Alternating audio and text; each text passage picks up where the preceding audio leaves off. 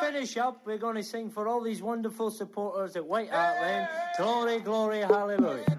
Okay. Still going.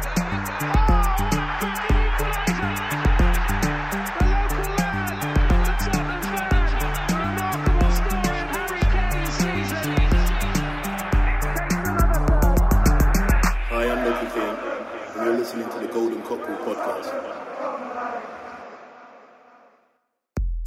Velkommen til en ny episode av Golden Cockerel. Det er en liten stund siden sist, men nå er vi endelig tilbake igjen og klar for en ny episode. Det er mye å snakke om nå, og vi har fått med oss tre gjester òg i dag. Det er Bjørnar Valen, ny leder av Tottenhams Venner. Velkommen. Takk for det. takk for det.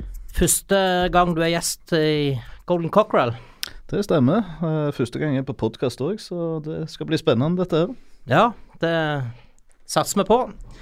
Vidar Edel, du er gammel, avgått leder.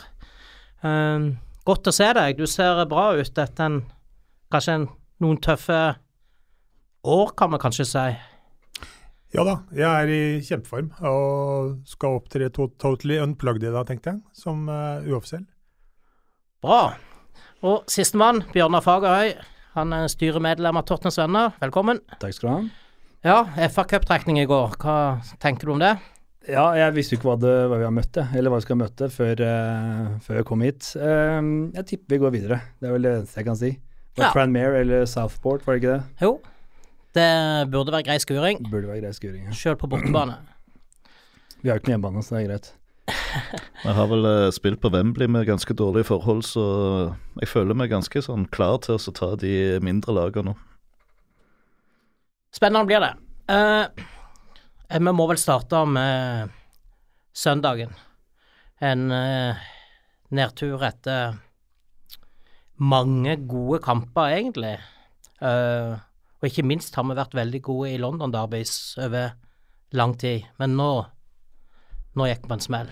Det var jo en sånn her eh, blast from the past, er ikke det man kaller det. Altså, det var jo som å se oss eh, for mange år siden hvor du visste at det kom til å gå åt skogen. Eh, selv da vi leda på Emirates, så har vi leda på Emirates opptil flere ganger uten å klare å få med oss noe som helst. Og Ja. Det virka litt sånn Vi var litt uh, på bakbeina, føler jeg, hele kampen. Selv om vi klarer å snu det, så er vi fortsatt uh, Jeg føler at vi aldri Vi følte at vi aldri var gode nok, da. Selv da vi leda. Ja, hva skjedde videre? Nei, jeg tror jeg er såpass politisk korrekt her og nå at jeg tror det hadde veldig mye sammenheng at eh, vi hadde en eh, veldig tøff kamp på onsdag. En must win mot Inter, som vi til slutt fikk eh, grind out result. Og så hadde vi den fantastiske Skjellskampen i uke før. Jeg tror, det, jeg tror det gjorde sitt. Det ble for mye til slutt. Ja, er du enig, Bjørnar? Jeg er nok for så vidt det. det Det som jeg syns er dumt, da, er jo at Arsenal var på en måte bedre enn oss på det vi eh, kanskje pleier å være best på. da. Stå høyt, presse høyt, vinne ballen gunstig. Eh, så Det var liksom sånn- så rart at de skulle være bedre oss på akkurat det vi har vært gode på selv da, de siste årene. Eller den siste perioden, i hvert fall. Ja, og så fikk jo Pochettino litt kritikk nå etter kampen for disponering underveis. Eh, Arsenal, Emery, gjorde to bytte i pausen som slo heldig ut, mens Pochettino venta til det sto 4-2 før han gjorde noen endringer. Uh, ja, var det, var det en tabbe? I etterpåklokskapen så kan det vel tyde på det. Uh, Jeg reagerte sjøl på at det ikke kom noe bytter før var det nærmere 80 minutter. Ja. Uh, Så ja. Og i tillegg så, så vraga han overalt, og satte inn et stopperpar som aldri har spilt sammen før, med Foyt og Fertongen. Var det lurt? Nei, som, som Bjørnar sier, så i etterpåklokskapens fantastiske lys, så er det jo lett å kunne si det ene og det andre og tredje. Han øh, Så øh, Jeg syns det er vanskelig å vite hva han skulle gjort annerledes. altså Det er jo ikke min jobb. Men altså, jeg føler at det var, alle var litt under par. Jeg føler ikke at ja, Foyt gjør en feil, men det er jo ikke pga. den vi taper og spiller dårlig. Eh, var det så at Ali hadde fire pasninger på Arsenals halvdel eh, i andre omgangen, hvorav fire er på, en, eh, på avspark. altså da, eh, da er det ikke bare det at du bruker en annen forsvarsspiller som gjør at vi taper. Vi, vi får jo ikke brukt de offensive spillerne. De er jo helt fraværende. Eriksen er det ingen som husker å ha sett. Eh, sånn bidrar jo ikke som i andre omgang, så er vi jo er det tynt altså, generelt overalt. Og det er ikke bare det at vi spiller med en ny forsvars... Uh, altså stoppepar som gjør at vi taper, føler jeg, da. Ja, det er nok en miks, uh, kan du si. Ja, men jeg syns alle var under paret. Loris eh, kan vel ta eh, i hvert fall det er det andre målet han kan ta. På det skuddet som kommer i, til venstre for han. Og så er det liksom, Alle er svake, så det virker som det er litt Hele inngangen har vært litt uh... Er de slitne? Arsenal de, de sparte jo alle spillerne fra en langtur i Europaligaen, mens vi var nødt til å slå Inter på onsdag, og, og brukte mye energi på den. Ja, jeg er helt overbevist om at det har en stor sammenheng. Absolutt. Og uh, tre tøffe kamper på åtte dager, det er, det er, det er mye uansett. Altså. Det, man må ikke ha spilt mye fotball for å skjønne at det er, det er vanskelig. Det er, det personer tross alt, ikke maskiner. Eh, det ble jo det var, det var et intenst oppgjør, for å si det mildt, og det, det ble jo mye tumult da, da etter utligningen der uh, Dyer visstnok uh, jubla litt for frekt mot Arsenal-fansen, og, og nå er begge klubbene tiltalt for ikke å ha kontroll på egne spillere. Eh, må en tåle såpass i et lokaloppgjør, eller? Ja, jeg, jeg er jo en eldre mann da, har vært med en del. Så i sammenligna med det jeg har vært med på Jeg var på Highbury i 79, var det vel, første gang. Første gang og Engelskmenn har et uttrykk de kaller for handbags. Altså to gamle kjerringer som slår mot hverandre med, med håndvesker. Og det er det det her var, rett og slett. Det var over på 45 sekunder. Ingen verdens ting. Hvis ikke folk klarer å ta til seg det, så gud bedre meg. Da er jo verden i ferd med å gå under. da. ja, Det er så deilig å se, synes jeg, i Darden. Det i veien at det er så deilig å se at det er litt temperatur, da. Det er at det viser at det betyr noe for spillerne òg, at det ikke bare betyr noe for fansen. Mm. Så um, Så dette får vi tåle. Det var vel litt Pochettino sin, eh, sin inngang òg på pressekonferansen nå før uh, Southampton-kampen, at eh, ja ja, vi får ta den straffa vi får. Det blir, blir vel ikke mer enn en liten bot allikevel, så, så det får vi Klubbene tåle. merker ikke det, vet du. Det, det er så gøy å se litt passion, syns jeg. Altså. Det er, eh, selv om det ikke gikk vår vei, så er det gøy å se at, eh, at gutta tok en fight altså, på Selv etter at vi skårte, men at de tok den fighten, syns jeg bare er gøy. Og noen tok det vel kanskje litt for langt. eh, eh, Pierre eh, Aubameyang fikk en bananskall etter seg, og det syns vi ikke er greit. Nei da, det er sunt med frukt, men det er klart at man kan jo la bananskallet ligge et annet sted. Ja, Og nå blir han vel utestengt for resten av livet sitt på Tottenham-kamper, og det er vel fullt fortjent, for sånt, sånt vil vi ikke ha. Det kan vi ikke stå for på noen som helst måte. Og det tror jeg alle Tottenham-supportere har vært uh, veldig åpne om òg, at det er, uh, det er helt uholdbart. Ja. Jeg fikk det ikke med meg før uh, etter, etter kampen, men jeg forsto at Sånn som jeg har sett, altså alle reaksjonene har vært negative til banankasteren, og det er eneste riktige. Eh, jeg tror vi, vi lar det være lokaloppgjøret denne gang.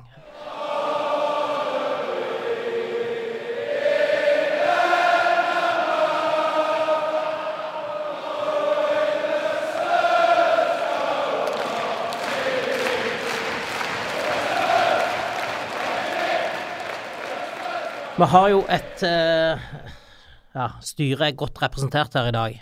Så jeg tenker at vi må jo snakke litt uh, Tottenhams venner. og Vidar, du, du er den eneste ikke, som ikke er i styret her nå, men du har jo hatt nettopp tolv år bak deg. Er du, er du glad for at ikke du har det ansvaret lenger? Ja, det var jo en, heldigvis en frivillig eh, beslutning om ikke å ta gjenvalg. Så, og tolv år er enormt lang tid. Veldig, veldig, veldig veldig lenge. Og man må kjenne på hvor motivert er du etter å ha holdt på veldig lenge med en ting. Og jeg, for meg så mm, Ja, jeg kan, jeg kan se meg sjøl i speilet og se folk rett inn i ansiktet og si at jeg er fornøyd. Jeg er godt fornøyd med hva vi fikk til. Eh, Jeg tror på hard facts. Vi har eh, mer enn godt over dobla medlemskapet i, min, eh, i mitt regime, om man kan tørre å bruke sånt uttrykk. Økonomiene våre er helt utmerket. Jeg tror vi har Jeg tror det skal være en god plattform å jobbe videre på. Så jeg ønsker jo Bjørnar Valen, min etterfølger, all mulig hell og lykke. Og jeg tror han kommer til en forholds, forholdsvis OK plattform. Jeg tror det er lenge mellom hver, eh, hvert eh, sjokk han får, og skjeletter som han kommer ut av skaper og sånne ting. Så, så jeg, jeg, tror det kan gå greit. Vi har jo f.eks. en medlemsundersøkelse foretatt for ca. et år siden, som uh, kan være et godt verktøy. Blant flere andre ting. Da. Og jeg, jeg er veldig, veldig uh, mottakelig for gode telefoner, og vi har snakka litt sammen. Vi har det. Mm. Ja, hva er første inntrykket ditt nå etter noen måneder i, i sjefsstolen, Bjørnar? Jo, jeg har jo ikke funnet så mange spøkelser eh, eller skjeletter, så, så jeg tror nok eh, du har rett i at det, det er en eh, veldig sunt dreven klubb. Eh, eh, medlemsundersøkelsen som du nevner, den eh, sier jo litt av det jeg sjøl har tenkt på vei inn i dette vervet, om at vi, vi trenger å komme mer ut i, i lokalmiljøet. Det var veldig mange som mente at det var en ting som de savna. Eh, og, og satse på de yngre. Eh, for det nytter ikke å ha en, eh, en medlemsklubb med medlemmer som er, blir eldre og eldre og ikke får påfyll underfra. Mm. Så jeg kan jo ikke love her og nå at vi skal doble det i min tid, men uh, det er jo et mål. Hvis du holder på lenge nok, så går det jo greit, det. ja, har, har, du noen tanker om hvordan du ja. Hvordan du vil eh, gjøre dette? Uh, nå er jo allerede Oliver, som er rekrutteringsansvarlig, i gang med å samle inn litt kontaktinfo til lokale ildsjeler rundt forbi. Jeg tror han har fått ei god liste allerede. Uh, den skal vi jo bruke. Uh, jeg personlig har jo um, vært initiativtaker for miljøet i Stavanger etter jeg flytta hjem etter åtte år i Oslo. Jeg tror også det er viktig å få fram at vi er liksom avhengig av uh, lokal uh, engasjement, da, og at folk tar initiativ. Det er Én ting er at styret kan sitte og se på fra utsiden og si at vi skal gjøre det, men vi er jo avhengig av folk uh, rundt omkring i Norge. Absolutt. Og det som sagt lokale ildsjeler er det som mm. sørger for at ting går fremover. Uh, jeg tenkte jeg skulle lage en uh, artikkel sjøl om uh, litt tips og triks for hvordan jeg har gjort det. ja, for du starta jo opp i Stavanger da for noen år siden? Ja, tre, tre år siden nå, når jeg flytta hjem. vi var vel åtte stykk på første kamp. vi har vært oppe i over ja, ca. 100 på, på, de beste kampene. men jevnt over så ligger vi nå på ja, et sted mellom 15 og 30 gjerne. Så, så, det er absolutt mulig å få til, selv i en sånn liten by som så, så, Stavanger. Mm. Hva er liksom snittalder og sånn? Hvem er det som kommer? Eh, snittalderen er vel gjerne rundt 30. Eh, 35. Eh, men det kommer alt fra gjerne foreldre som har med unger eh, på de kampene hvor det er naturlig, det vil si ikke de sene lørdagskampene, eh, til pensjonister og ja, det er egentlig et ganske godt spenn. Ja. Og det, det, er vel ikke tvil om at det å, det å se Tottenham-kamper sammen med likesinnede, det gir den ekstra piff. og Det gjør det, for min del iallfall, veldig, veldig mye bedre. Eh, å sitte hjemme er én ting, men du får ikke samme engasjement, du får ikke samme godfølelsen når det går bra. og du trenger gjerne en skulder å gråte på når det går dårlig, sånn som på søndag. Ja. Så Nei da, så da får vi bare oppfordre folk der ute som har lyst til å starte opp. Ta kontakt med oss hvis dere trenger litt uh, hjelp, så stiller vi opp med det. Absolutt, absolutt. Ja. Bra. Jeg vil jo tilbake litt videre til, til, din periode. Er det noen spesielle opplevelser du, du husker spesielt godt ifra din periode? Ja da, det er klart. Tolv år det er jo en del ting du er med på, og, og er ydmyk for at du han han må få lov til å være med på. En ting, Leif Konrad, som du og jeg gjorde sammen, er kanskje jeg, som eh, står klarest for meg nå. Det var jo den dagen vi var og undertegna uh, Official Supporters Club eh, Agreement med Tottenham, hvor vi var i uh, lokalene deres over cornerpin. Og Det var du og jeg, og så var det Jonathan Waite, som tragisk nok døde for ca. en måned siden. Ja, ikke det engang, tror jeg. 14 dager siden, kanskje. Ja, ok. Og det, det, er jo Det var en fantastisk person. Veldig, veldig ok. Og, og det, hele denne seansen her, det var en kulminasjon etter at vi hadde først sagt nei til å bli offisielle supportklubb eh, noen år før, fordi at de betingelsene de stilte, var da for oss uakseptable. Og eh, vi kan vel si at vi venta dem på sett og vis ut de hadde mer bruk for oss enn omvendt. Og når vi fikk da en fin deal på plass igjen, så var eh, det Jonathan da som, eh, som var vår kontaktperson. Og Nei, det er bare trist alt sammen. Når jeg snakker med en del folk uh, i, i Tottenham, altså rundt uh, f.eks. Supporters Trust, og de sier jo at eh, Jonathan Waite vil bli et stort, stort savn. For han var en, uh, en flott person og veldig lojal for, eh, for eh, de han stilte opp sammen med. Absolutt. Mm. Det var en, en meget bra mann. Han var jo faktisk QPR-supporter, men via jo store deler iallfall av sitt uh, voksne liv i, i Tottenham. Mm. Så, um, så det var trist, trist nyhet å få. Har du noen tips til Bjørnar da, og oss andre som, som fortsatt sitter i, i styret? Nei, eneste jeg kan si er at eh, å være supporterleder det er ikke et one man show. Det er helt vesentlig, sånn som jeg ser det i hvert fall, å konstruere et styre som du kan lene deg på. Uh, at du har eh, folk til å uh, ta ansvar og utføre ansvaret. Uh, skrekken er jo, som jeg ved selvsyn har sett, ikke hos meg, men hos andre, at utbrentheten kommer. Det blir sånn ofte sånn at man man, man får ikke medhjelperne til å gjøre jobben sin, og så må du kaste deg inn og gjøre det samme sjæl. Det, det er en oppskrift for å brenne seg ut. Og det er, det er farlig, for da, da ødelegger både for deg sjøl og alle andre rundt deg, men hele organisasjonen din, egentlig. Så det å konstruere et godt styre, ha, ha, ha det, det er åpenbart. Jeg tror at Tottenhams venner La oss si vi er 5004-5005 nå. eh, Det er bare et tall, for å si det slik. da. Mørketallene er eh, veldig store. Jeg tror eh, 10 000 f.eks. Det ingen, bør ikke være noe problem. Uh, gitt at det blir en god struktur på det. Og Når Bjørnar snakker om sånn, kall det lokaliserte uh, miljøer, så er jo det en tanke jeg hadde for mange år siden. Som uh, jeg Ja, vi, vi har jo vi har, Det er jo bra nivåer fram til Det har vært over mange år. Stavanger er jo Bjørnar selv som har tatt ansvar for, og så har du et eh, fantastisk miljø på Gjøvik, vet jeg, og så er det Trondheim, og så er det Ålesund, Tromsø, eh, Narvik. Oslo, da.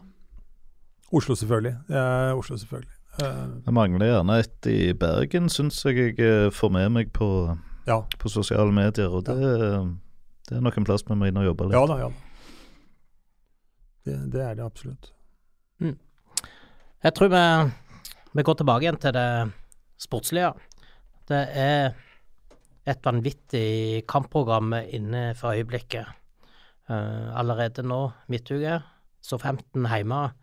Er det greit å få en kamp igjen nå kjapt etter søndagen? Jeg tror det kommer litt på åssen det går. Hvis vi, hvis vi kommer tilbake på vinnersporet, så er jo allting hunky-dory og veldig bra.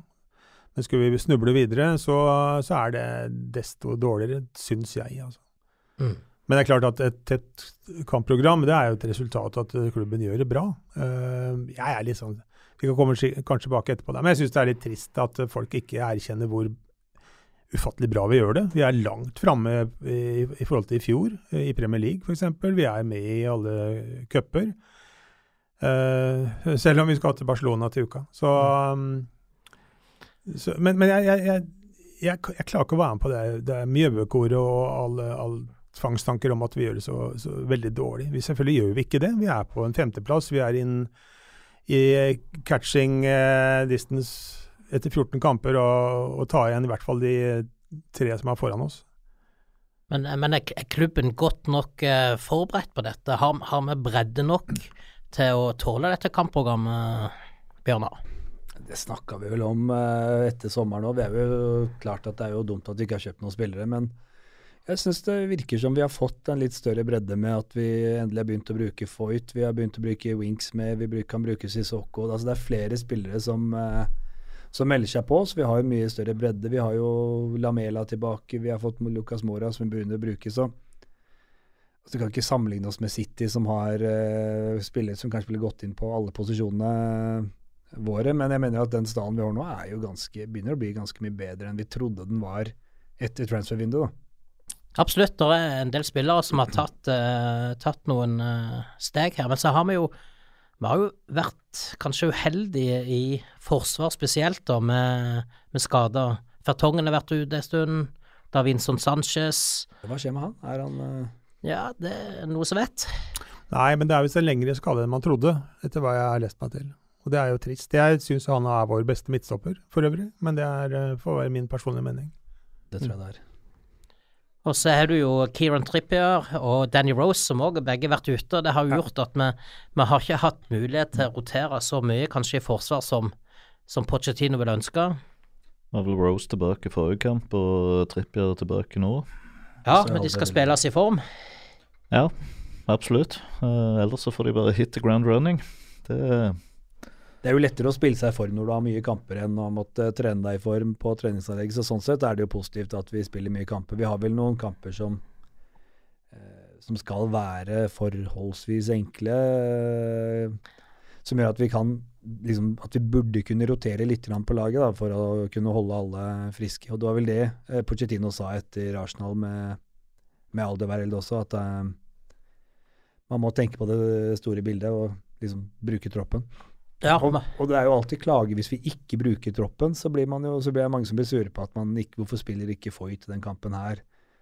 Så Nå skal vel Southampton være et uh, overkommelig lag, men uh, de hadde jo en manager som uh, har fått sparken to ganger på ett år. Historisk. Eh, så da er jo spørsmålet å se hvordan det gjør det. Om uh, caretakeren eh, klarer å få en god effekt ut av det, eller om, om den først kommer når det er ny manager. ja, det er Kelvin Davis som skal lede S15 i morgen. Har det, har det noe innvirkning på forberedelsene og innsatsen til S15? Nei, gud veit. Han eh, Jeg husker han bare sånn delvis fra sin tid, og, og så har vi den derre litt sånn eh, uempiriske greiene om at eh, du sparker manager, og så går det bra. Hvis man eh, gidder å regne etter, så er ikke det et, et reelt faktum. Så um, jeg tror vi bør vinne den kampen. Ikke enkelt, ingen kamper er enkle, men at vi skal hale i land en seier, det, det tror jeg definitivt.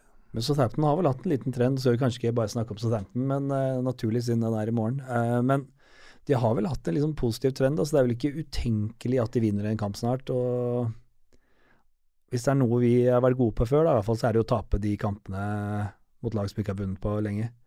Ja, så fikk jo en liten opptur vel med uavgjort mot uh, Manchester United i, i helga, da.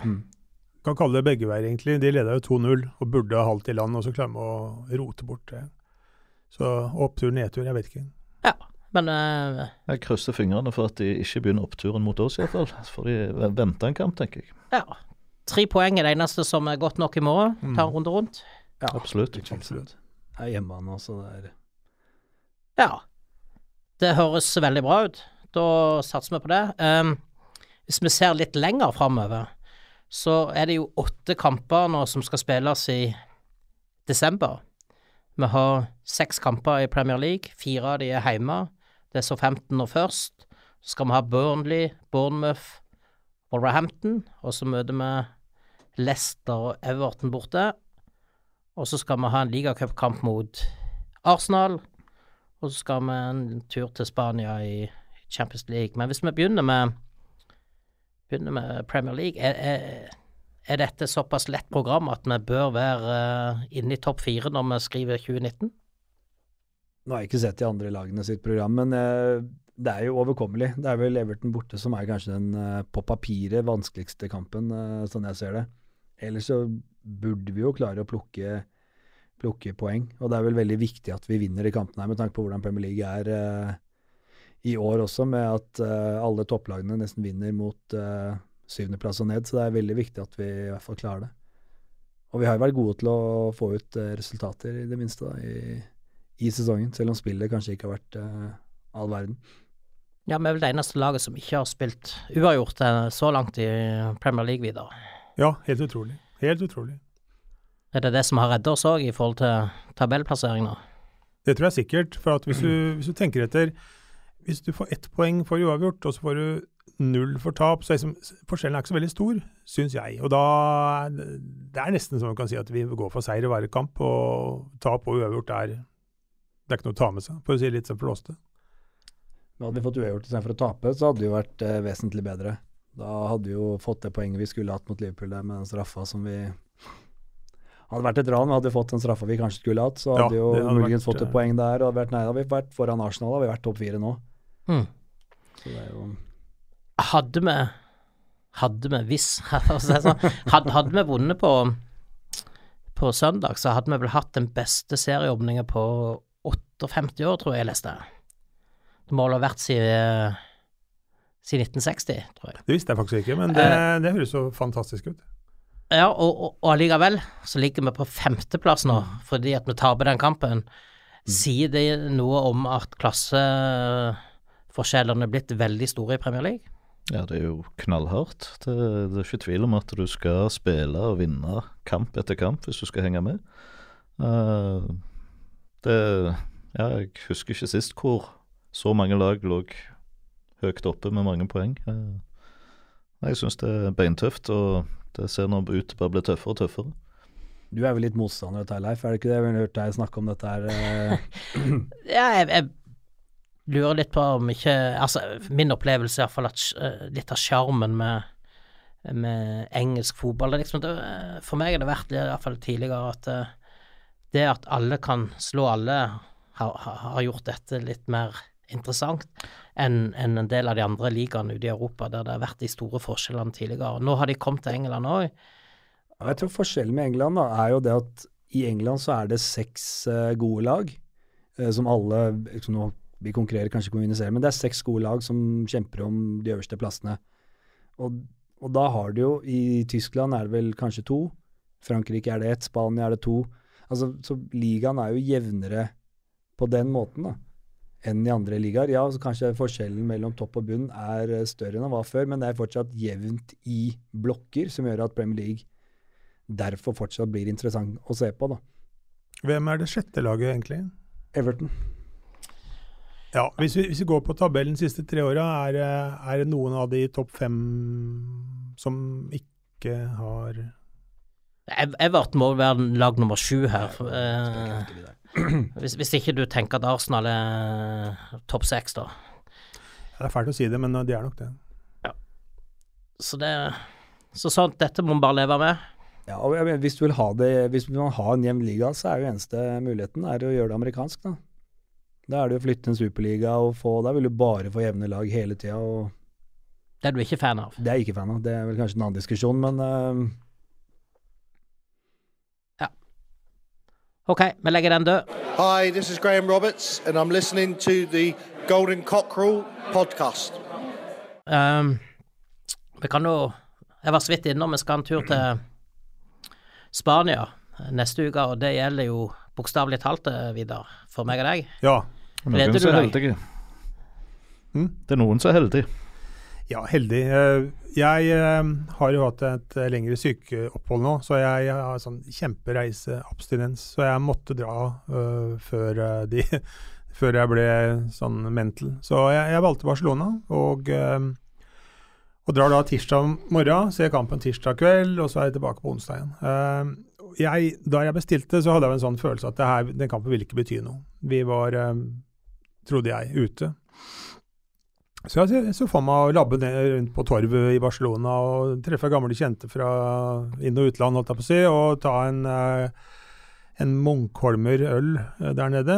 Eh, Men så plutselig så er den kampen her veldig viktig, og da betyr det at ja, Det er to måter å se det på. Det som var en, kunne bli en ordentlig kosetur, det ble jo nå en høydramatisk greie, Liv eller død.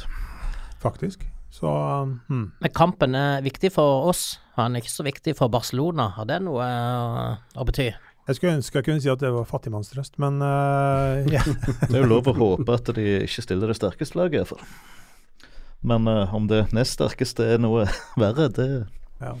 Jeg kan tenke meg om sjansene for å, for å gå videre. Inter har vel heimekamp mot eh, PSV samtidig. Jeg tror ikke vi kan lene oss på noe som kommer derfra. vi må tror vinne vi må- for, å, ja. for å gå videre. Alt det annet enn seier er bare å glemme. det. har jeg veldig liten troa på, egentlig. Det, Men er det mulig å vinne? Ja da, alt er mulig. Barcelona har jo ikke vært uh, strålende i år, har de det? De var, de var ikke så verst på. Wembley. Nei, de var ikke så verst på Wembley, men de har jo ikke vært så gode. De har jo tapt poeng mot lag som man så vidt hørte om i, i Spania, så det er jo klart at de, det er jo muligheter for å få, få med seg en seier derfra, men da er det jo Da skal alt eh, klaffe. Da skal vi ha en ny Chelsea-kamp, og Ja, Barcelona på sitt beste er verdens beste fotballag. Det er jeg helt overbevist om. Uh, så vi ser da hvor langt de slipper seg ned eventuelt i en kamp som det her. Ja. Messi femteplass, var det den fikk i går på Ballon d'Or? Ja, er, Kane, Kane tiende, så det blir Jo, men det er jo ubegripelig for, for meg i hvert fall at Messi er på femte. Jeg syns han er eh, Jeg syns fortsatt han er verdens beste spiller. Tror du du får se han på tirsdag? Jeg Jeg håper ikke det. Jeg frykter det, så jeg skal ta en Munkholm ekstra for å være sikker. Det er bra. Da, da får vi håpe det går veien, at det blir Champions League og etter. Hvis ikke så er ikke Europaligaen eh, Jeg syns ikke det er en fattig trøst. Altså. Jeg er, eh, var, var livredd da vi lå under eh, for PSV der for at Europaligaen skulle ryke også. og, um, Jeg Ja. kan, jeg kan godt se for meg at vi slår ut Arsenal fra Europaligaen bare for å veie opp litt for uh, søndagen. hadde ikke vært feil i det hele tatt. Og, og det er jo et trofé som vi Vi takker jo ikke nei til et europaligatrofé. Altså, vi har jo vært uh... Vi er vel ikke i posisjon til å si nei til noe trofé. Nei, og jeg, jeg kan også føye til en annen ting. Jeg har reist litt rundt i altså Spurs Away i Europa. Det er jo for meg en fantastisk opplevelse.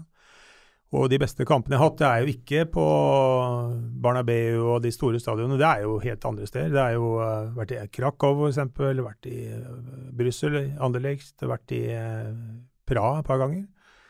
Det syns jeg er kult. Det syns jeg er morsomt. For det er ikke, det er ikke sånn, sånn super um, overdramatisk hele tida, men det er eh, masse folk, og det er god stemning, og det er uh, minner for livet. Mm. Men du vil heller til Bernabeu enn til Praha, hvis du må velge? Altså, jeg vil heller ha en finale i Europaligaen enn uh, tap i åttendelsfinalen uh, på Bernabeu, så Ja, så da, da er det ikke så ille uansett hvordan, det, hvordan dette ender på jeg tror ikke det, altså. Jeg, jeg, jeg tror ikke det. Som Tottenham-fans er vi nødt til å, nødt til å finne opp uh, ting for å holde oss mentalt gående uansett. Positivitet. Ja. Ok, da ønsker vi bare god tur til Barcelona. Å, takk. Og så tenker jeg at vi går over på et nytt tema, som jo har vært et evigvarende tema i disse podkastene, og det er ny stadion. Når åpner den? United. Nå har jeg bestilt flybillett, for uh, jeg gikk på en smell på Black Friday. Så nå uh, Jeg sa jo neste kamp skulle bli åpningskampen. Uh, nå ble det jo Boxing Day i tillegg, da. Det kom litt plutselig. Ja. Men United jeg, Da snakker vi midten av eh, 12. 12. januar. Nå har de jo nettopp annonsert en event for fans, hvor de skal slippe en 6000 fans for å gjøre seg kjent med stadion. eh, og de skal teste sine rutiner med både billettsalg til ett ett pund, eh, og alle rutiner gjennom for å komme seg inn, kjøpe mat, alt dette her. Eh, 16.12., det er dagen etter Burnley. Eh, Så da kommer det til å florere av eh, bilder og videoer fra, fra stadion. Og jeg kjenner jeg gleder meg. Jeg er veldig sultefòra på, eh, på å få se. Så absolutt aller best hadde jo vært å være der. Eh, Så Ja, de har, de har vært veldig hemmelighetsfulle nå med, med stadion. Her etter de gikk ut med brask og bram og, og annonserte første kamp mot Liverpool allerede i september, og så er det blitt veldig stille. Hva, er, det, er det realistisk å tro på at, vi eh, flytter hjem igjen i januar? Jeg, tror, jeg tror Jeg er helt sikker på at ingen veit noen verdens ting. Er, først må vi ha testevent, og så må det gå bra, og så må man finne en kamp. Og jeg skulle ønske, Bjørnar Valen, at det, det, du har rett. Jeg skulle veldig, veldig ønske at vi kunne det, ta en, en Munkholm til da, i, uh, i Tottenham-området. det er nok mer ønsketenkning fra min side enn Ja. realitet, men, men jeg holder knappen på det. Ja. Så jeg, jeg, jeg, hvis jeg skal på i kaffegrut og teblader, så vil jeg tippe at det er i begynnelsen av februar. Ja. Vi har vel Newcastle eh, rundt der, tror jeg. eh, Tidlig. Det blir eh, så seint. Jeg tipper at enten så blir det januar, eller så blir det ikke, altså, i år. Jeg har ingen tro på at vi skal utsette det til at det bare gjenstår. Jeg vet ikke hvor mange hjemmekamper vi har igjen i februar. Ja, men, men det interessante er jo det at det, av en eller annen grunn så er vi satt opp nå med tre kjappe heimekamper. Det er jo for å veie opp for eh, at vi hadde bortekamper i Ja begynnelsen. da, Watford- Watford-kampen ble jo flytta Det var vel tredje runde der for at vi skulle få Eller fjerde runde. Og, de, og den er jo satt inn den 30. januar, og så har vi Eh, tre dager etterpå, ny heimekamp mot Newcastle, og ei uke etterpå der så er det ny heimekamp mot Leicester.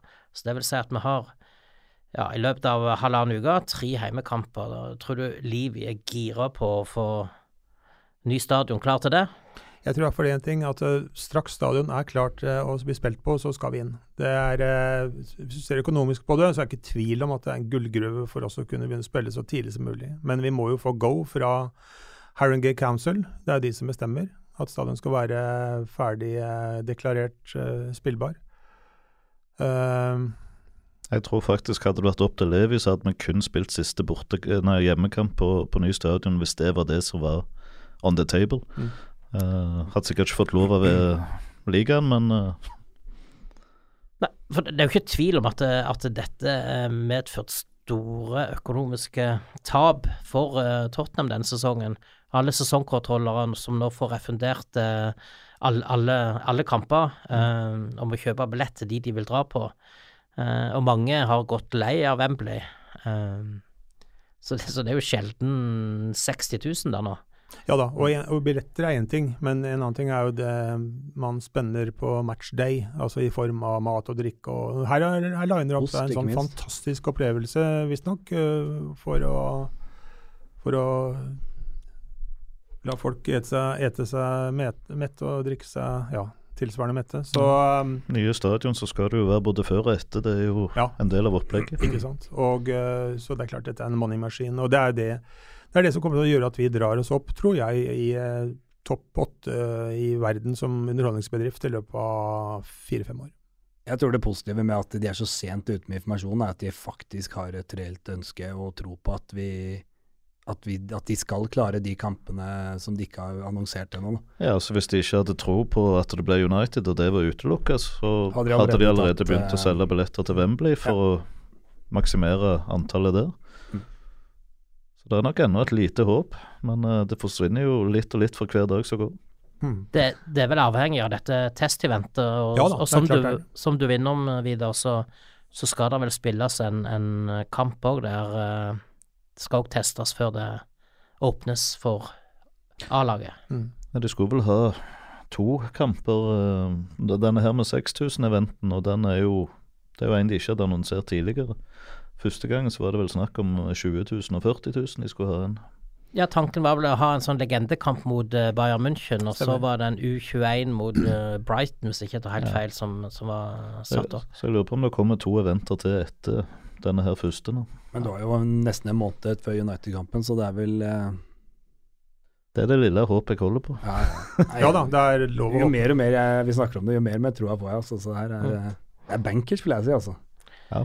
Jeg kan for øvrig skyte inn en liten ting, da, en sånn kuriosa. Den eneste mennesket på planeten eh, som syns det var jo også en greit at vi utsatte Liverpool-kampen, det var nok meg. For da gikk jeg rundt på Rikshospitalet med et åpent sår i, eh, på forsida og var eh, rimelig skrøpelig form.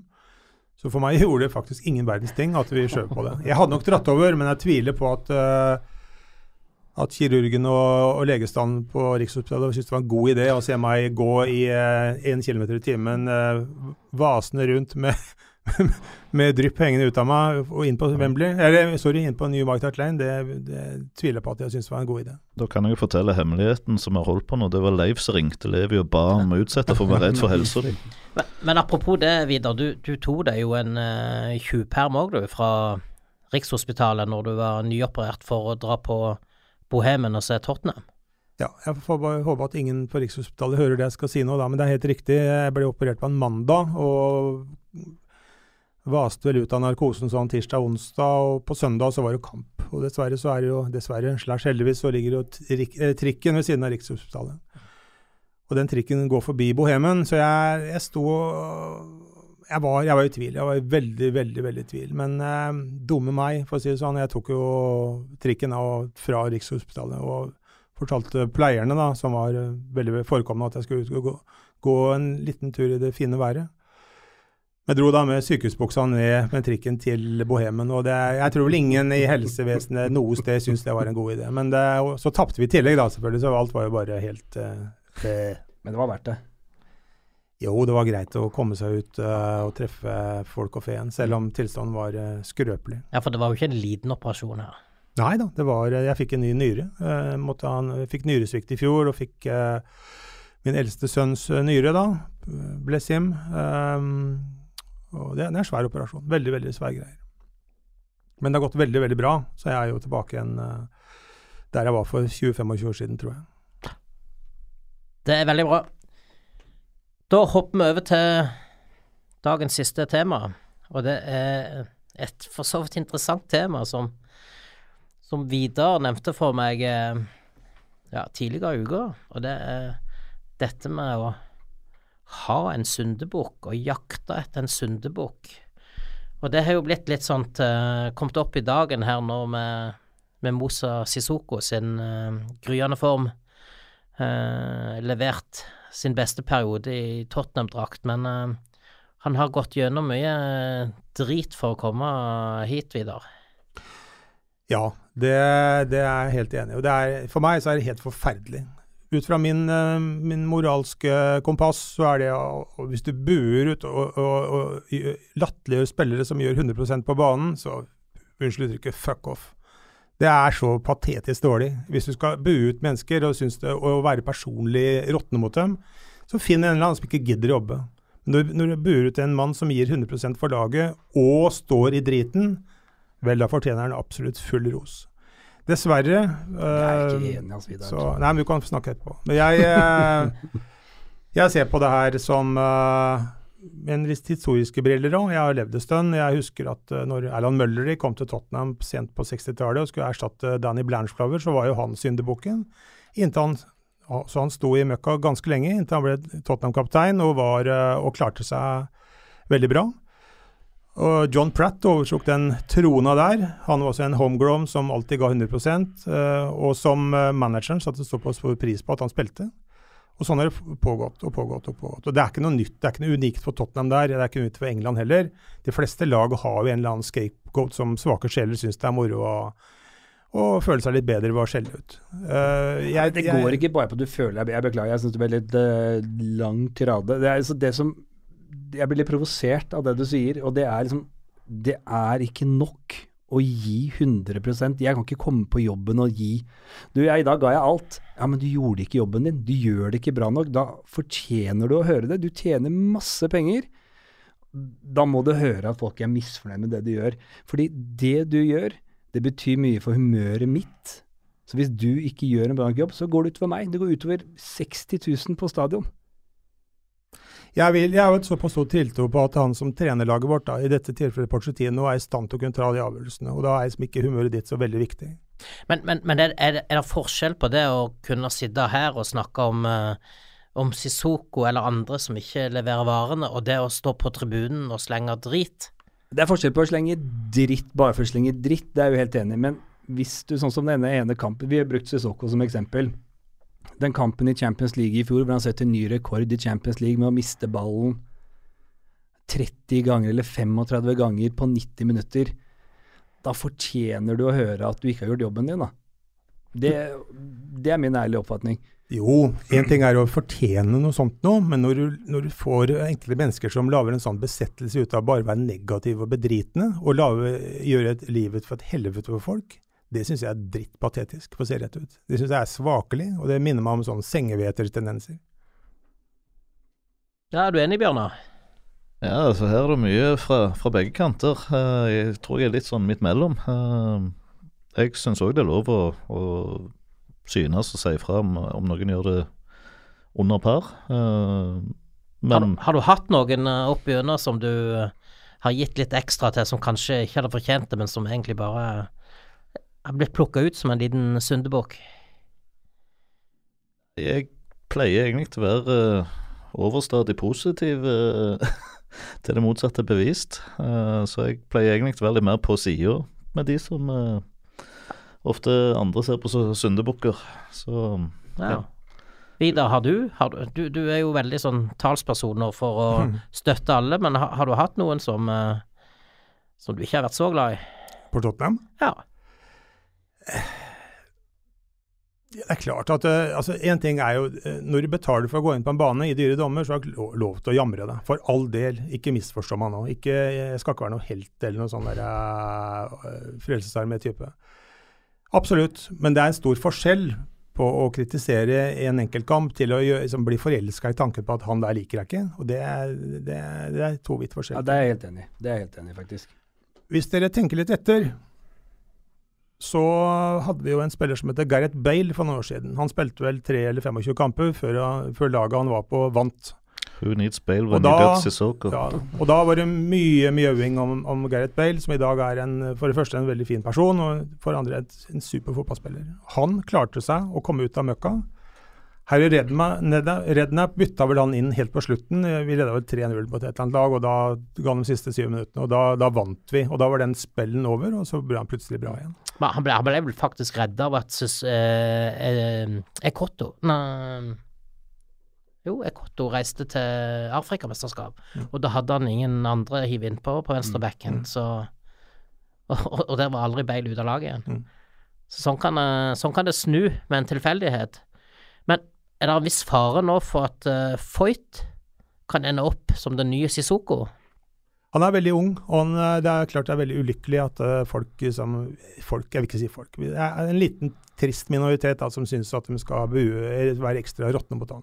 Patetisk. Strengt patetisk. Jeg har patetisk. ikke fått med meg det. At er det Mulig ikke jeg har fulgt med noen sosiale medier i det siste, men eh, jeg har ikke fått med meg den kritikken. Nei, men det, det triste i vår verden er jo at det er et kommentar, kommentatorfelt, hvor alle idioter i hele verden kan få lov til å skrive og synse hva de vil. ikke sant? Og da er det masse triste folk som kommer ut og, og rakker ned på folk som har minst behov av alt for å bli rakka ned på. Men vet du, han har jo hatt en litt sånn spesiell eh, måned, halvannen år med Ja, med å lage to straffer i debuten, og så blir han man of the match og matchvinner vel her i en kamp, og så reiser han til Argentina og får Argentina-debuten og blir kåret the man of the match. Og så ble det vel en del kritikk nå etter, etter kampen på søndag nå. Ja, han har jo han har, Måten hans å opptre på har jo vært helt lik. Han har jo spilt eh, de første 75 minuttene veldig, veldig bra, og så gjør han et eller annet rart på slutten. Wolves, to straffer. Eh, Arsenal her om dagen. Så det, det har blitt en ting i gåsehudene vi har vent oss til. Eh, men jeg husker en ting, når vi kjøpte han, for han kom jo ikke helt gratis, så sa Pochettino at han kommer til å bli en storarta spiller. Og det det var jo flere som hadde glemt hele mennesket, og så plutselig er han på banen igjen. Og nå er han i ferd med å kunne bli det. Mm. Jeg skulle like å se hvilken 20- eller 21-åring som ikke gjør feil på det nivået her. sånn. Jeg er superoptimist. Han trenger å få disse kampene for å lære òg, kanskje. Ja, han gjør det, og han trenger i hvert fall ikke å få masse sånne tilbakestående oppgulp fra folk som ikke kan bedre. Jeg tror nok de, de beste måtene å lære på er også å få en hard, brutal uh, Vær så god. Helt klart. Og det er jo, det er jo livet i et nøtteskall, det. Altså, Men det er den bare som gjør det at bra han får tillit, da. Framover også. Han er vel kanskje litt heldig at han fikk tillit uh, etter de feilene mot uh, Wolves, var det ikke? Hvor eh, Sanchez ble skada, som gjorde at han ikke Mm. hadde noe annet valg enn å bruke han mot Mm. eh, Palace. Og det Ja. Jeg bare håper at han fortsetter å få tillit, selv om han gjør noen uh, småfeil. Og, og der er vel Pochettino god, fordi at han har jo fått spille hver kamp nå. Det er jo Fertongen, Alda, Foreldre og andre som har måttet uh, vike plassen, men, mens han har fått, uh, fått lov Mm. og spille og gjøre feil. Vi må ikke se bort fra det, at om uh, tre år så vil vi ha et stoppapar som heter Sanchez og Foyt, som kommer til å spille sammen forhåpentligvis veldig lenge. Veldig, veldig bra. Jeg tror vi sier at det er siste ord i dag. Skal vi bare ønske alle en uh, god jul, Ja, riktig god jul. og come on, you Spurs! Yeah.